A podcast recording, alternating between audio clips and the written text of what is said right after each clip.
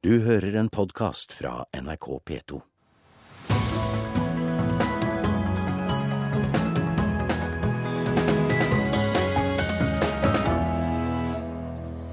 Rettssaken mot de mistenkte etter kunsttyveri i Bergen startet i dag. Kunstmuseene tror klenodiene er borte for alltid. Nesten litt makabert, sier Nordahl Griegs biograf om ideen om å flytte graven fra Berlin til Norge, og møter SV-leder Audun Lysbakken, som gjerne vil ha en grav for dikteren i Bergen. Kringkastingsrådet støtter NRK, som nektet nyhetsoppleser å bruke kors på skjermen, men rådets leder mener NRKs regelverk er for strengt. Og Fjodor Sapegin debuterer med tegneserieroman fra den russiske revolusjon, og forteller alt om det senere her i Kulturnytt. Som du hører i NRK P2 med Ugo Fermariello i studio. I dag møtte seks menn etter tyveriet fra Vestlandske Kunstindustrimuseum, som det het eh, den gangen. Eh, det foregikk i januar i år. 23 gjenstander er borte. De er i håndterlig størrelse og laget av porselen, jade, bronse og treverk fra den kinesiske samlingen. Og reporter Helene Vassbøtten Lervik følger rettssaken i Bergen tingrett, og tidligere i ettermiddag spurte vi henne hva som er kommet frem i retten i dag. I retten i dag så har disse seks eh, tiltalte møtt fram. Og det har vært ganske fullt i retten fordi at de har vært seks stykker, og alle har hatt med seg sin forsvarer. Eh, det er aktor som har holdt eh, sin eh, innledning, og så er det egentlig hovedtiltalte, den ene av kanskje de to hovedtiltalte, som har forklart seg i hele dag i retten. Han er 32 år og har forklart at han er en av to som har vært inne i Kinasamlingen i Bergen og innrømmer at han eh, har tatt med seg kunst derfra. Kan du minne oss på hva som skjedde den natten til 5. januar i år? Dette mm, tyveriet fant jo da sted natt til lørdag 5. januar. Eh, litt over klokken fem eh, har det kommet frem, både politiet og han innrømmet også klokkeslettet, at det var eh, litt over klokken fem. Da har eh, de rygget eh, en bil inn til museet, brutt seg inn, knust et vindu og tatt seg da inn i selve rommet der eh, kinaskattene står.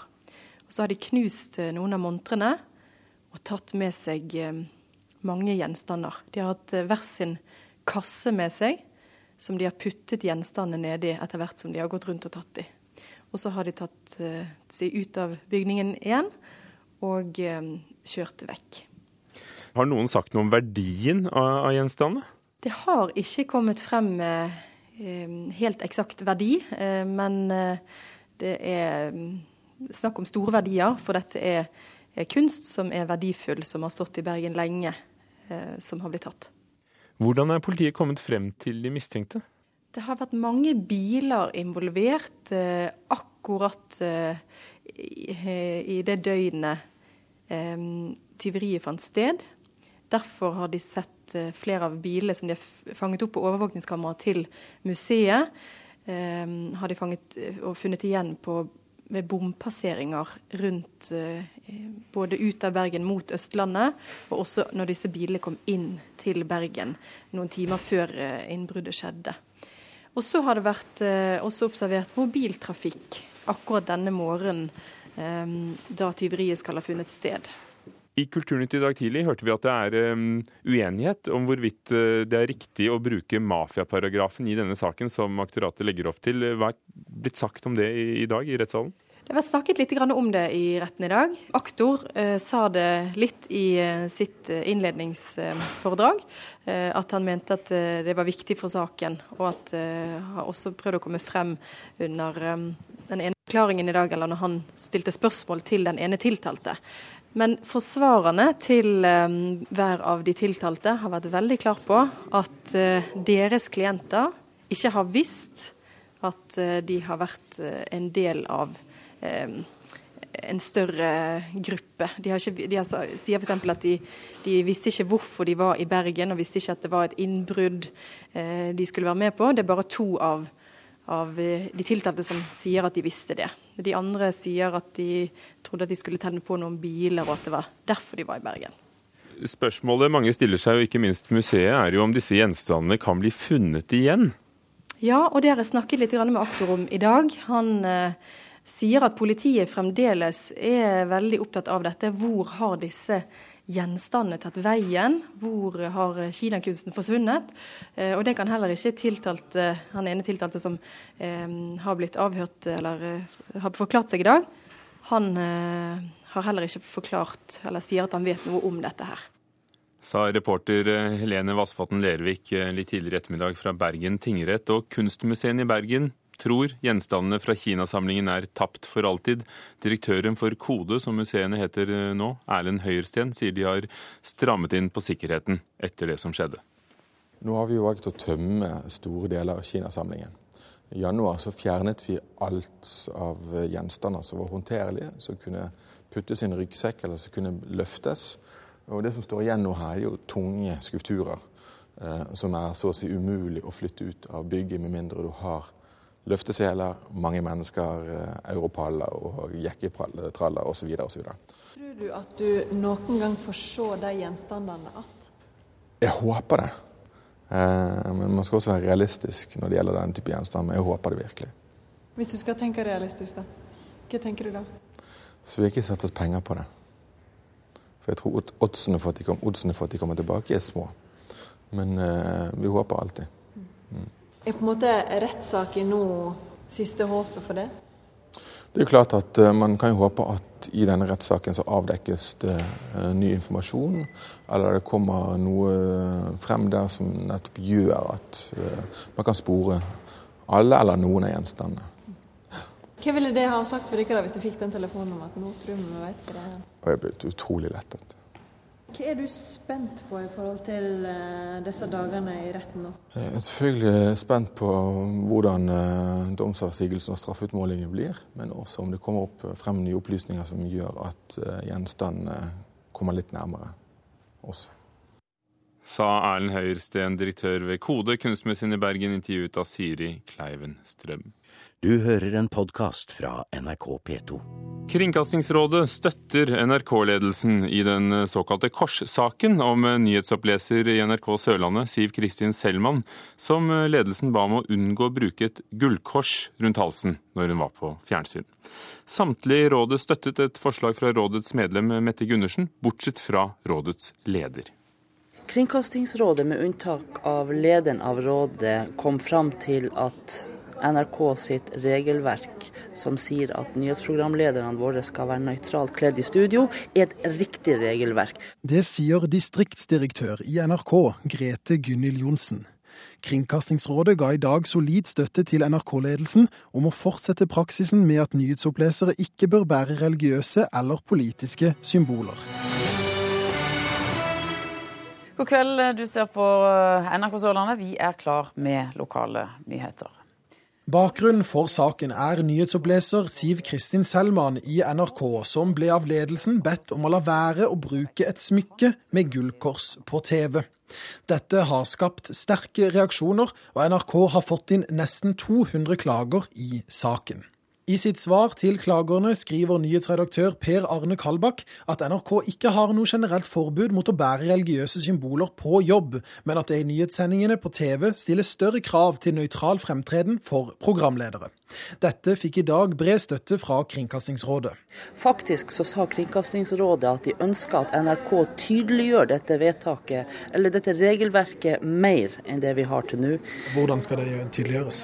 Jo, fordi at reglene våre er av en sånn kategori at vi kan diskutere om det, om det, om det er type bør ikke ha på seg. Så vil Kringkastingsrådet at vi isteden skal si skal ikke. Sier Gunhild Johnsen. Lederen av Kringkastingsrådet, Mai Helen Molvær Grimstad, som i dag tok opp spørsmålet om bruk av kors i nyhetssendinger, synes NRKs regelverk er for strengt. Hun mener NRK i større grad bør lytte til alle klagene. Samtidig så fremmer jeg et forslag hvor jeg mener at eh, en bør få lov til å bruke diskré smykkeanheng, som f.eks. et lite kors. Eh, det fikk ikke flertall, men det er et massivt engasjement ute blant folk eh, flest som føler at de kanskje ikke blir lytta til i like sterk grad som de kunne ønske. Sa Mai Helen Molvær Grimstad, som leder Kringkastingsrådet, og vår reporter var Christian Ingebretsen.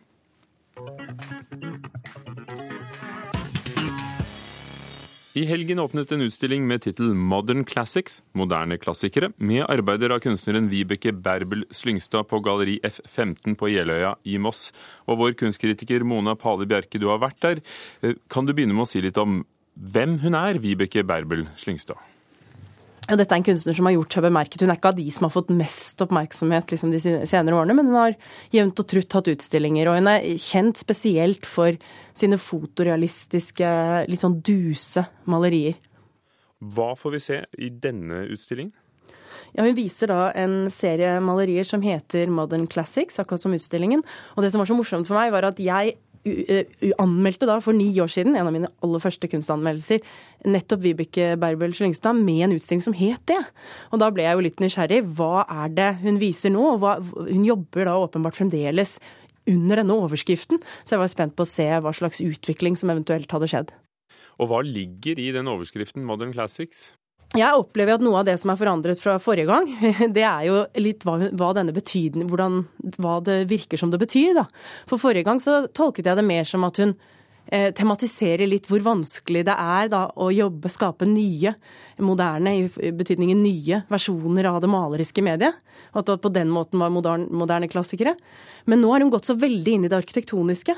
Og hun tar utgangspunkt i store modernistiske bygninger, eller viktige modernistiske bygninger fra Sverre Fehn, fra Arne Korsmo og fra Mies van der Rohe.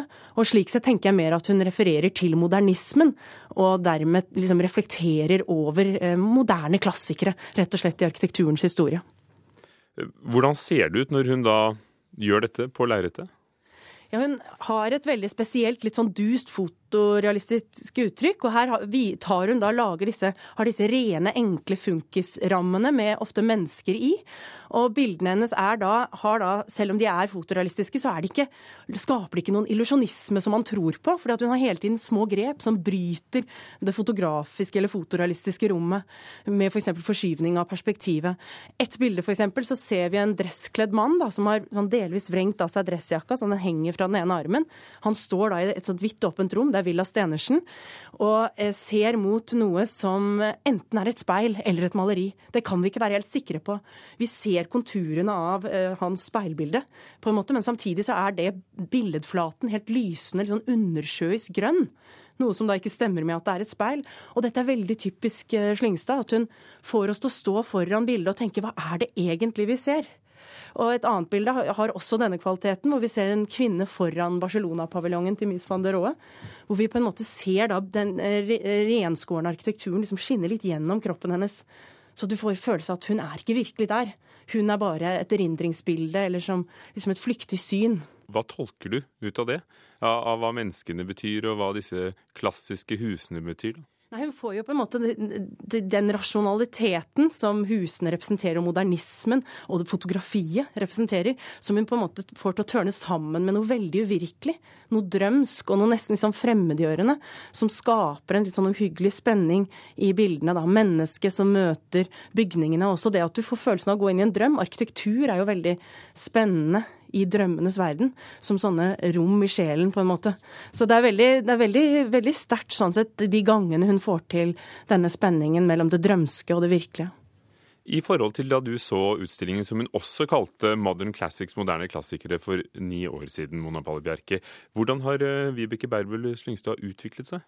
Jeg syns grunnstemningen er veldig lik. Jeg var eh, fascinert av arbeidene hennes også da, men jeg syns nettopp det at hun fokuserer mer på det arkitektoniske, at ikke det bare er liksom en sånn miljømarkør, men mye mer hele tematikken og veldig mye rammen. Det syns jeg er ganske eh, spennende. Og jeg syns også at hun da får oss til å tenke på tittelen på en ny måte, da, i og med at hun trekker inn modernismen som liksom et fenomen i historien. Er det da blitt en bra utstilling?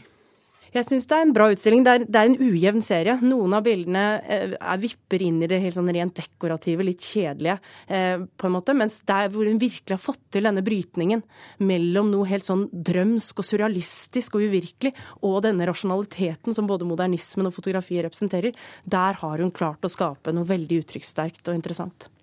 Takk skal du ha, Mona Pali Bjerke, som altså har sett uh Vibeke Berbel Slyngstads eh, utstilling Modern Classics på Galleriet 15 på Jeløya i Moss. I dag er det 70 år siden dikteren Nordahl Grieg døde. Han ble skutt ned i et fly over Berlin. Og her hører vi ham rapportere fra Island i 1943 i de norske sendingene fra London. Den norske flygeskvadron på Island har i sitt våpenskjold ordene 'Trygg havet'. I disse to ordene ligger den oppgaven de har fått, og fortellingen om deres arbeid gjennom snart to år. Jeg skal her prøve å gi noen glimt av de norske flygernes liv, slik som jeg har sett det med mellomrom gjennom det halvåret jeg var nordpå. Det var en junikveld jeg kom dit opp. Vi strøk oppover Nord-Atlanteren i informasjon av norske Catalina-fly. Island steg av havet, Vatnajökulen lyste blek. Vi fløy innover kysten. Som tunge forhistoriske øgler skred flygebåtene lavt over et urtidslandskap av rød lava og kokende kilder. Vi nådde flygehavnen.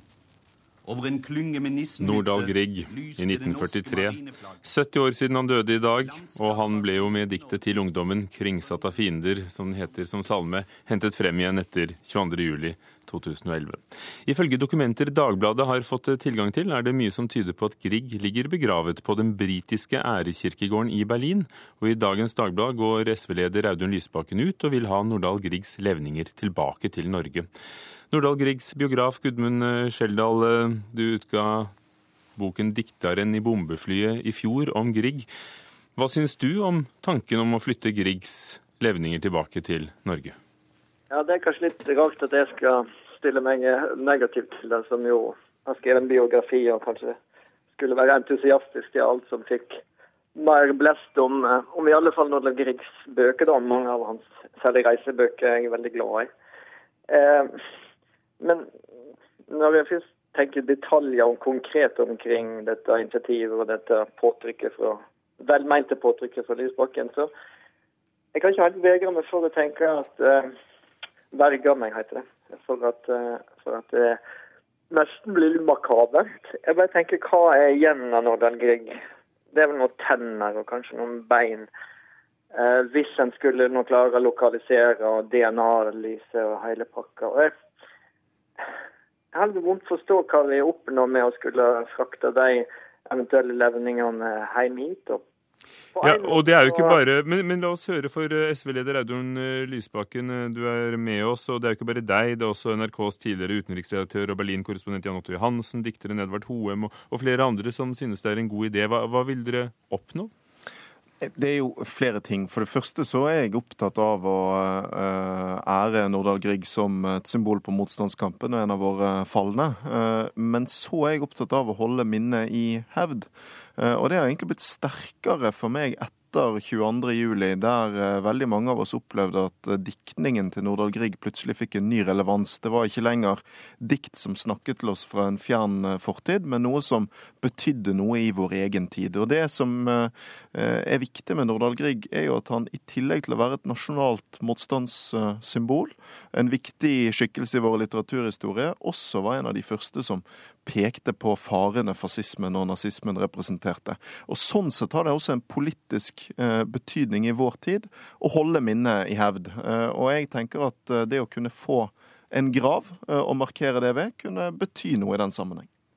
For Gudmund Skjeldal, det er jo ikke uvanlig at folk valfarter til graver, om det er Wergelands eller om det er Oscar Wilde i Paris, f.eks. Nei, nei, nei. nei. Men, og...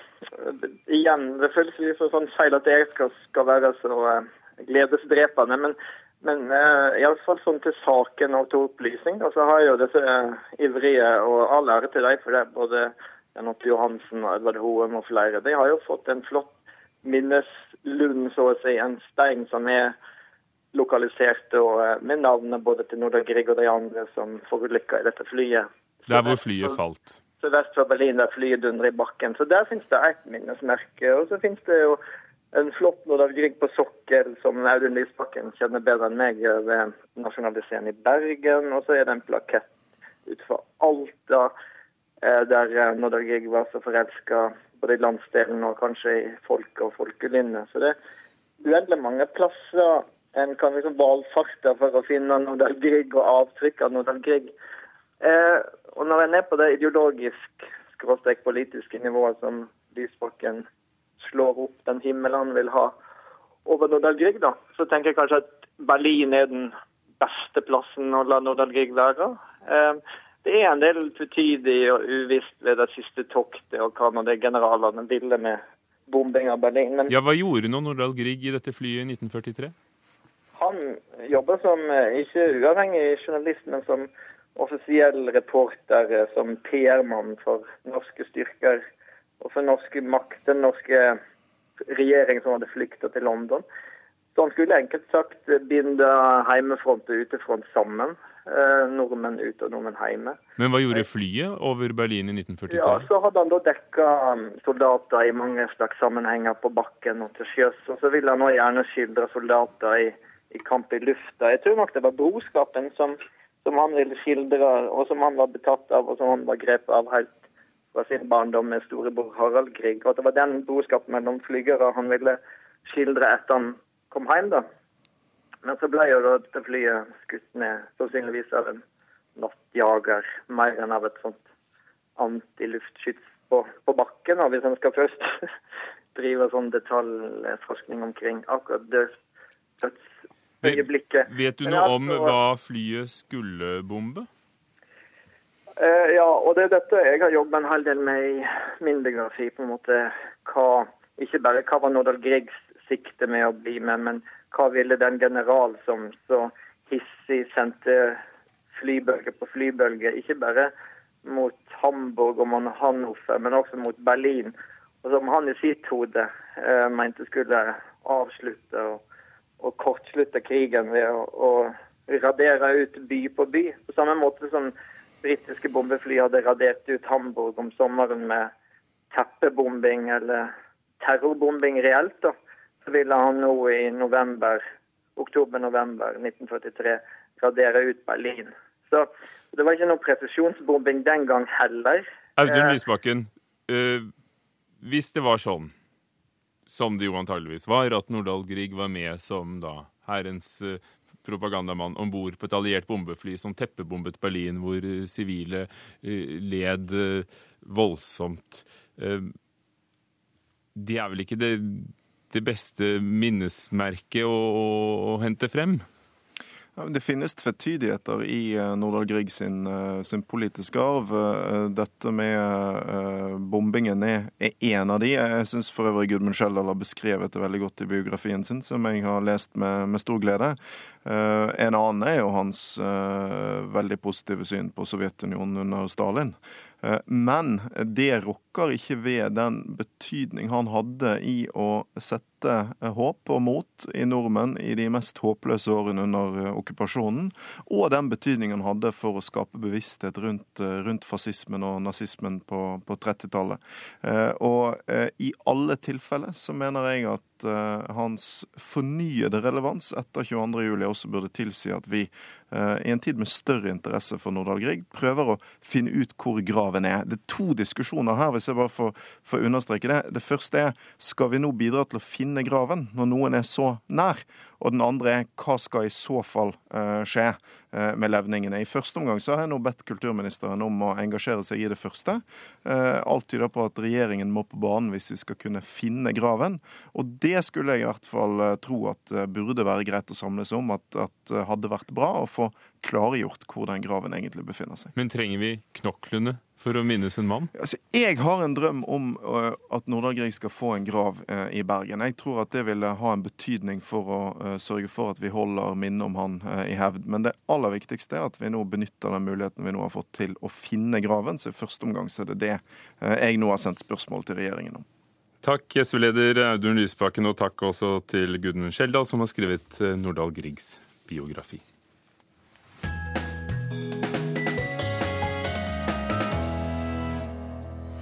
Klokken er 17, du hører på Kulturnytt i NRK P2, overskriftene fra Dagsnytt i ettermiddag. Neda Ibrahim og familien hennes føler seg knust etter avslaget om opphold i Norge, sier familiens advokat. Politiet har siktet en mann for overgrep mot 30 unge jenter i Gudbrandsdalen. Boligprisene falt kraftig i november, nå må byggebransjen si opp ansatte. Og senere i Kulturnytt treffer vi Islands tidligere president Vigdis Finnbogadottir når hun får Nordens språkpris i ettermiddag. Vi har lodd ut billetter på første benkerad og oppfordret til å dele din perfekte og fantastiske adventstid på sosiale medier, ønsker Den norske kirke å skape ironisk blest om julebudskapet med kampanjen Perfekt jul.no. Kampanjen ble lansert eh, fredag og er laget av PR-byrået Burston Marsteller for Den norske kirke. Og ikke alle liker kirkeironien. Jarle Aabø, kommunikasjonsrådgiver i Aabø Co. Hva er det som, ikke, som er feilslått her? Utgangspunktet er feilslått. Altså Når man starter å sette seg ned og skal lage en kampanje for noe så verdig som Den norske kirke, midt i den verdigste tiden for Den norske kirke, nemlig julen, så kommer man også opp med ironikortet. Vi skal nå være ironiske om man velger det som et kommunikasjonsgrep. Det er veldig farlig, for det er risikosport. Det er veldig få som behersker ironi i utgangspunktet, og det er veldig få som i alle fall klarer å beherske det på trykk. Én ting er hvis du kan legge masse mimikk bak det du sier, og si f.eks.: Jeg tror ikke på Gud, jeg sier biskopen og ler. Da skjønner jo alle at det er ironi. Men her beveger man seg inn i en ironiform som er nesten umulig å oppfatte, og dermed så blir dette avstøtende, det blir fordummende, og det blir totalt unødvendig. Og det er jo ikke bare deg, Jarle Aabe, men ganske mange på sosiale medier som har kommentert kampanjen. Eh, Trude Evenhaug, kommunikasjonsdirektør i Kirkerådet. Hva slags reaksjoner har du fått selv? Jeg har fått eh, ganske mange heiarop, faktisk. Eh, og så er det en god del som begynner å følge kampanjens nettside, nei, eh, Facebook-side nå.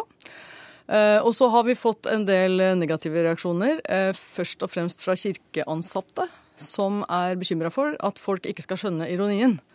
Selv så skjønner de den, eh, men de syns den kanskje den er dårlig, og så er de uenig i at vi skal bruke det som grep. Ja, ja Lave, bare for å sjekke, Var du noen gang i tvil om det var ironisk eller ikke? Altså, når jeg åpnet den i går, når Vårt Land ringte meg, og det er Vårt Land jeg har uttalt meg til, og jeg så denne, jeg sto sammen med to andre på et julemarked på Blå, og jeg så reaksjonene fra de to andre, og ikke minst mitt eget faglige utgangspunkt. Jeg var ikke i tvil. Altså, dette er et av de virkelig pinlige øyeblikkene i kirkens julehistorie. Men du skjønte at det var ironi? Ikke før jeg kom i bånd. Og da sto det 'Dette er en ironisk hilsen fra Den norske kirke'. Og da holdt jeg på å miste mobilen da, i ren forfjamselse. Fordi at ironi fungerer iallfall ikke hvis man skal fortelle at 'nå er jeg ironisk'. Det blir jo helt Har dere ikke vært uh, tydelige nok? Og hvis det hadde vært tydelig nok, så hadde det jo heller ikke fungert, kanskje? Eh, jeg tror at vi har vært eh, tydelige nok. Eh, hele poenget med å ta, bruke et sånt grep, som ikke er det eneste vi gjør i denne kampanjen, altså vi skal jo holde på fram til jul, og det kommer til å bli helt andre typer innslag enn dette, og det er det f.eks. også i dag, hvor det er en, en film med finansminister Siv Jensen og Bård Vegar Solhjell fra, fra, SV som gir hverandre julegave og gir hverandre en god juleklem. Det er ikke ironisk. Det er koselig og det er hyggelig, og det er faktisk ganske rørende, syns jeg. Så jeg håper folk vil se på den. Hva er budskapet? Eh, budskapet er eh, at eh, i en tid hvor det er enormt stort trøkk på folk, ikke minst på unge kvinner og unge menn som er i ferd med å etablere familie, om at de skal skape seg et perfekt hjem, en perfekt tilværelse, en perfekt måte å oppdra unga sine på, lage en perfekt jul for ungene sine, så ønsker vi å overdrive det trøkket såpass at de tenker at dette går faktisk an å slappe mer av på. Det er noe av budskapet. Og så vil vi etter hvert i kampanjen også komme til noe av det som er, man forventer at kirka skal si noe om, nemlig at Gud kom til jorda i, i form av at Jesus ble født i en stall i Betlehem. Det kommer vi faktisk også til å nevne. Ja, Nå skal ikke jeg puste lettet ut, for jeg lurer på hvordan det skal kommuniseres. Men eh, det som er interessant, er at vi har et kirkeråd som jeg oppfatter som noe av det fremste innen Den norske kirke. Og de har nå plutselig da blitt et slags sånn julekalenderpoliti og skal fortelle da meg og andre at eh, sånn skal du ikke lage julekalenderen din, for da er du ute og kjører, vet. Så det går ikke. Og så gjør de det med en sånn ironisk form. Det hadde vært bedre om Kirkerådet kom med sin ultimate julekalender uten å kritisere de som eventuelt ønsker sin julekalender. Ironi funker ikke, og de funker ikke i dette tilfellet her. Og dette er da en kampanje som så langt har landet i et mageplask, men det kan jo hende de klarer å hente seg inn. Noen uh, har jo gitt positive reaksjoner. Det at det ikke fungerte for deg, kan, betyr kanskje ikke at det ikke fungerer for andre? Det er helt korrekt. Men nå regner jeg med at du var ironisk, så jeg eh, antar at uh, når man leser på sosiale medier, når man følger med i debatten, og når man snakker med folk rundt seg, så er det vel ganske naturlig å tenke at den type ironi i utgangspunktet er livsfarlig å bruke. Og når man ikke oppfatter ironien som intelligent og god, men mer sånn plump, dum ah, Må du forstyrre meg med dette her, da, Kirkerådet? Da tror jeg at dette er en mislykket kampanje så langt. Hvem er den myntet på, først og fremst? Den er mynta på, altså det er en ren nettkampanje, så folk som er mye på nett. Eh, målgruppa er ikke kirkelig ansatte. Den er heller ikke kommunikasjonsfolk. Eh, Men Hvilke diskusjoner hadde dere omkring eh, dette med ironi og bruken av ironi? For dere var vel veldig bevisst på hva dere gjorde Ja. da dere satte i gang? Utgangspunktet vårt var at eh, vi ønsker lage, ønsket å lage en julekampanje. Eh, og det jeg har opplevd ganske mange ganger, eh, som er litt svar til det Åbe sa nå i stad, det er at når det nærmer seg advent, så ringer journalister meg og vil ha meg til å spa opp en prest eller en biskop som skal ta avstand fra folks måte å feire jul på. Det er for lite Jesus og for mye kommers. Og Det vil de at en biskop eller en prest skal si. Og det har jeg ikke villet levere, for det syns jeg er å tvinge kirka inn i en rolle som moraliserende, eh, som er en ugrei måte å være i offentligheten på. Eh, Men samtidig så forteller det meg at man har en forventning om at kirka har noe annet å si, eh, et annet budskap enn den aller mest kommersielle formen for jul. Eh, Og det er jo for så vidt bra. Så noe av inngangen her var å komme i inngrep med dette på en annen måte. Og det å bruke humor og ironi som virkemiddel, det vekker en annen form for oppmerksomhet enn om vi hadde fortalt at eh, Jesus ble født i en stall i Betlehem. For at det har vi Men så er det altså oppfattet, blitt oppfattet som moraliserende. Nå har det ikke alltid vært sånn at eh, uansett hvilke gode hensikter og tanker folk har, så, så strever mange etter å få syv slag og, og, og få en perfekt atmosfære. Mange, det ene altså- går vel ikke veien for det andre? Nei, men altså, tenker, altså Det ble mer sånn hvordan jeg tenker, og, og som eh, ligger under noe av det som har vært motivasjonen vår. Det er også eh, å gjøre noe i solidaritet med alle de som faktisk strever etter å, å lage en god, god jul for familien sin, og det er noe vi støtte, vil støtte opp om. Eh, Det ligger veldig mye god omsorg i ønsket om å skape en god jul for familien og de nærmeste. Jarl Aabø, eh, hvilke strategier ville du gitt Kirkerådet? Altså, nå skal-. Nå skal ikke jeg bruke uttrykket å spa opp en biskop, men jeg skal nevne en biskop, nemlig Hamar-biskopen, som i dag har sendt ut en pressemelding der hun sier at Kirkerådets ironiske tilnærming til julen harselerer med både utsatte grupper og folks ønsker om å lage en hyggelig og god ramme for julen. Og Kirkerådets ironiske tilnærming til julen ja, er også Hun bruker ord som usmakelig og uverdig. Det er altså en biskops, biskopsuttalelse i dag til Vårt Land gjennom en pressemelding. Og jeg tror på en måte at eh, vi kan sitte her, to kommunikasjonsfolk, og i og for seg slå hverandre i hodet og mene at det er bra eller ikke bra. Men jeg tror at en kampanje som skaper negativ støy midt i julen, som handler om fred og samhold og familie, den kan ikke gå inn i historien som en eh, god kampanje. Så hva ville du hatt? Jeg tror kanskje at For det første ville jeg bare lagt bort hele ironigrepet. Det, altså, det, det fungerer jo ikke. Men jeg tror kanskje Kirken skal konsentrere seg om noe de virkelig kan, og det er å hjelpe folk. Og jeg ville kanskje valgt en i Nå skal vi hjelpe-kampanje. Trude Evenhaug, hva tenker du om at en av kirkens egne, biskop, står frem og sier det som vi hørte? Vi, eh, I kirka så er vi vant til at det er uenighet, eh, så det lever vi greit med. Eh, Vi tar selvfølgelig på alvor de reaksjonene som kommer fra kirke, kirkas egne ansatte. Og, og det er viktig òg. Altså jeg tror jo at vi har respekt for at en del kirkeansatte kan oppleve at vi her kommuniserer på en måte som er fremmed for dem. Men jeg har foreløpig ikke hørt at de egentlig ikke selv skjønner ironien, men de er så veldig bekymra for at andre ikke skal gjøre det. Takk skal dere ha. Trude Evne, kommunikasjonsdirektør i Kirkerådet, kommunikasjonsrådgiver Jarle Aabe.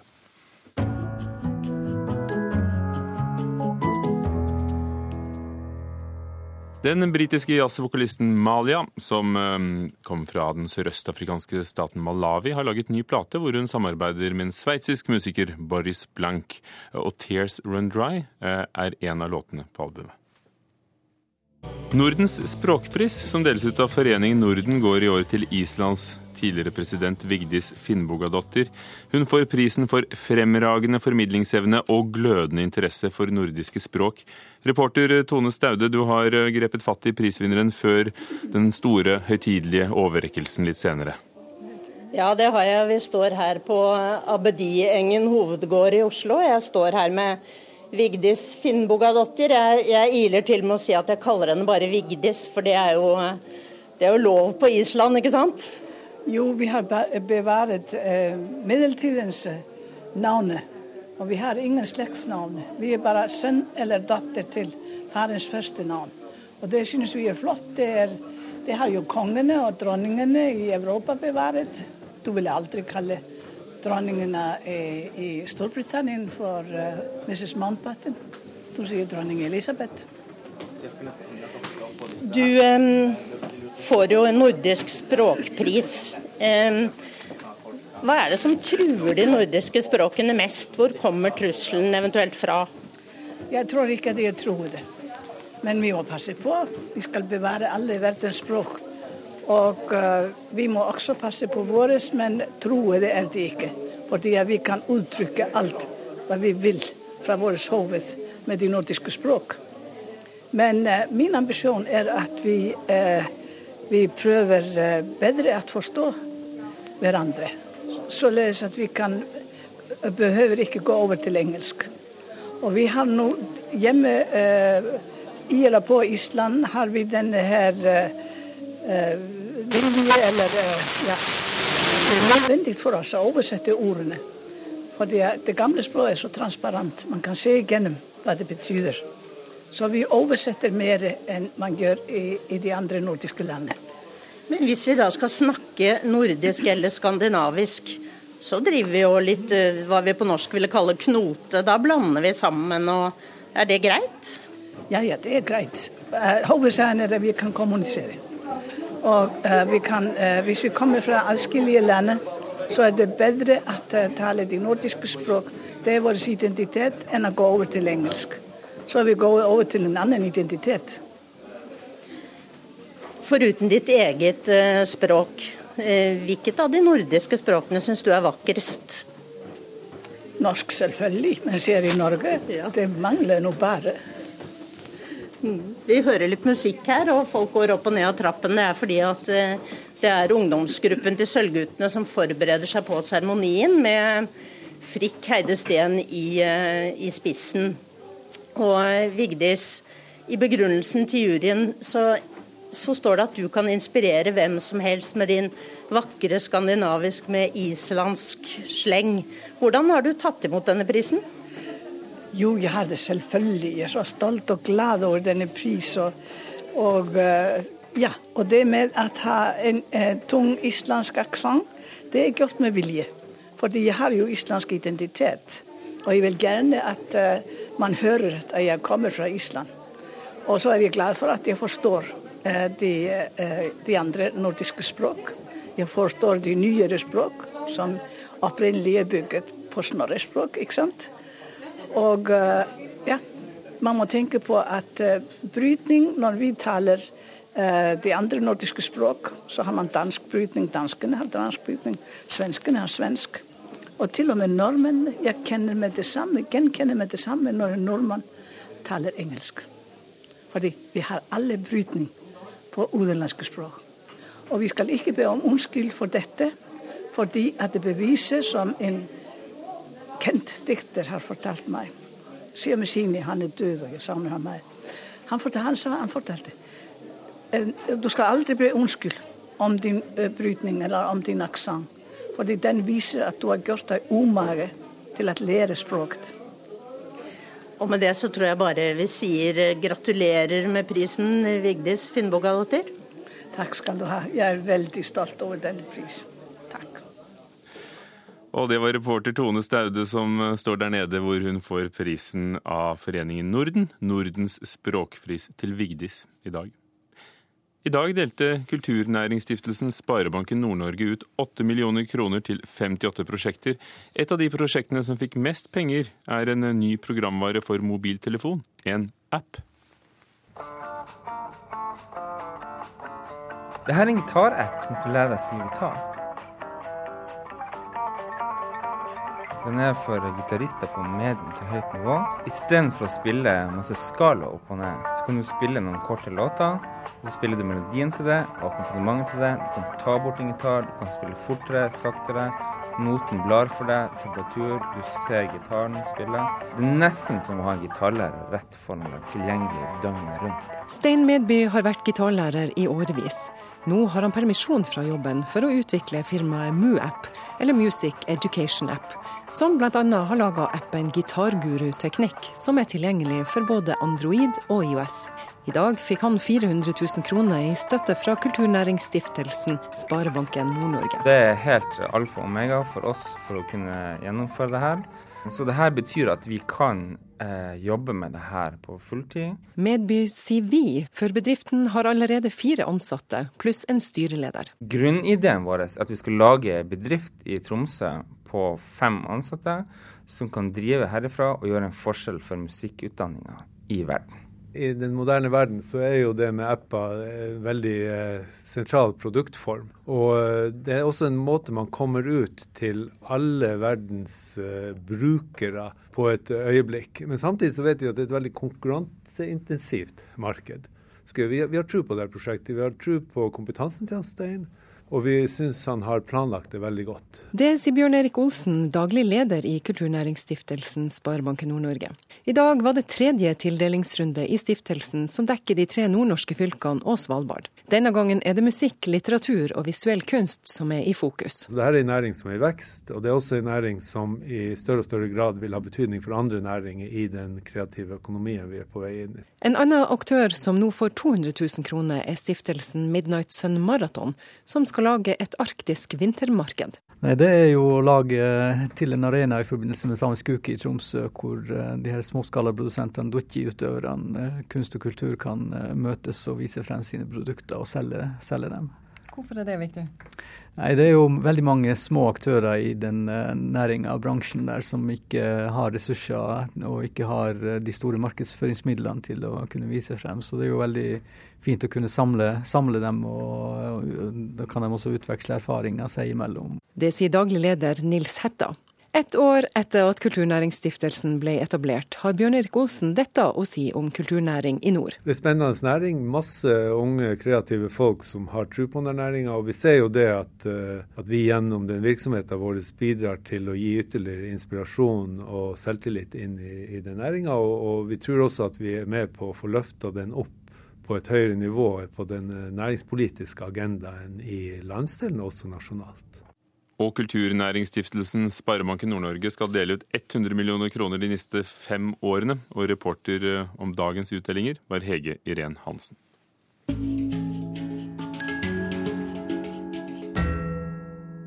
Tegner og kunstner Fjodor Sapegin har laget sin første grafiske roman, 'Maskinen'. Handlingen er lagt i revolusjonens Russland og begynner i 1916. Velkommen, Fjodor Sapegin. Hei, hei. Hvorfor vil du skrive og tegne om revolusjonen? Uh, det er to grunner til det. Uh, første er for meg revolusjonen er ikke bare en nasjonalt event, men den er en globalt event. Og det handler om mye av politiske ting som skaper hver samtidsrealitet, um, på en måte. Og når du sier nasjonalt event, så skjønner vi at uh, din nasjon mm, er også mm. Russland. For du mm, kommer fra mm, Russland. Ja. Uh, hvor til stede er revolusjonen i 1917 i den folkelige kulturen nå? Jeg tror de blir litt revisjonisme. Um, fordi uh, når vi var i Sovjetunionen, så var revolusjonen sett som en heroisk uh, victory over evil, på en måte. Uh, men nå det kommer flere og flere artikler om hvite generaler og de som var uh, opposerte Den røde armé. Og de blir nå nye, som nye helter, på en måte. De hvite generelle og monarkister og tsar blir nesten en saint. på en måte, så. Tsaren blir nesten en helgen. Er du revisjonist? Står du i faren for også å bli revisjonistisk når du skriver en historie om revolusjonen? Jeg vet ikke hvis jeg egentlig tar uh, posisjon til meg sjøl. Det er mest om, om karakterene i boka. Uh, men uh, for meg uh, det er viktig når, når um, realiteten mister kontroll. Fordi ideen bak maskiner er at maskiner er en metafor for revolusjon. Det er en ustoppelig kraft som er lagd av mennesker, men har sitt egen vilje. på en måte. Så da må man Hvis du finner seg i slik eh, event, så da du må ta uh, posisjon, på en måte. Uh, men det er ikke helt klart hvordan du, du plasserer deg inn i det. Så Og revolusjonen er også en maskin? Ja, det er det. Og du mm. skriver også om én maskin, som er en konkret krigsmaskin. Fjodor Sapegin, du er russer. Du Mm. har eh, vokst opp i Russland, men også i Canada. Mm. Og har gått på tegneserieskole og grafisk skole i Belgia, og nå Mm. bor du i Norge. Ja. Hva synes du om vårt forhold til den grafiske romanen, eller tegneserieromanen, som er det du har laget? Eh, Har vi nok av det? Mener du at uh, den relasjonen mellom norsk tegneserie, eller Ja, ha, altså Det er ikke så ofte mm. vi får nye tegneserieromaner, grafiske romaner i Norge. Mens i Belgia er det kanskje veldig ja, ofte. Ja, sant. Um, jeg håper at um, arbeid som jeg lagde ned, det var fire år av uh, veldig tung arbeid, at uh, kvalitets- og eh, forskning som kommer ut av det, skal um, skal uh, uh, attraktere den norske leseren. Og kanskje starte en ny trend, jeg vet ikke.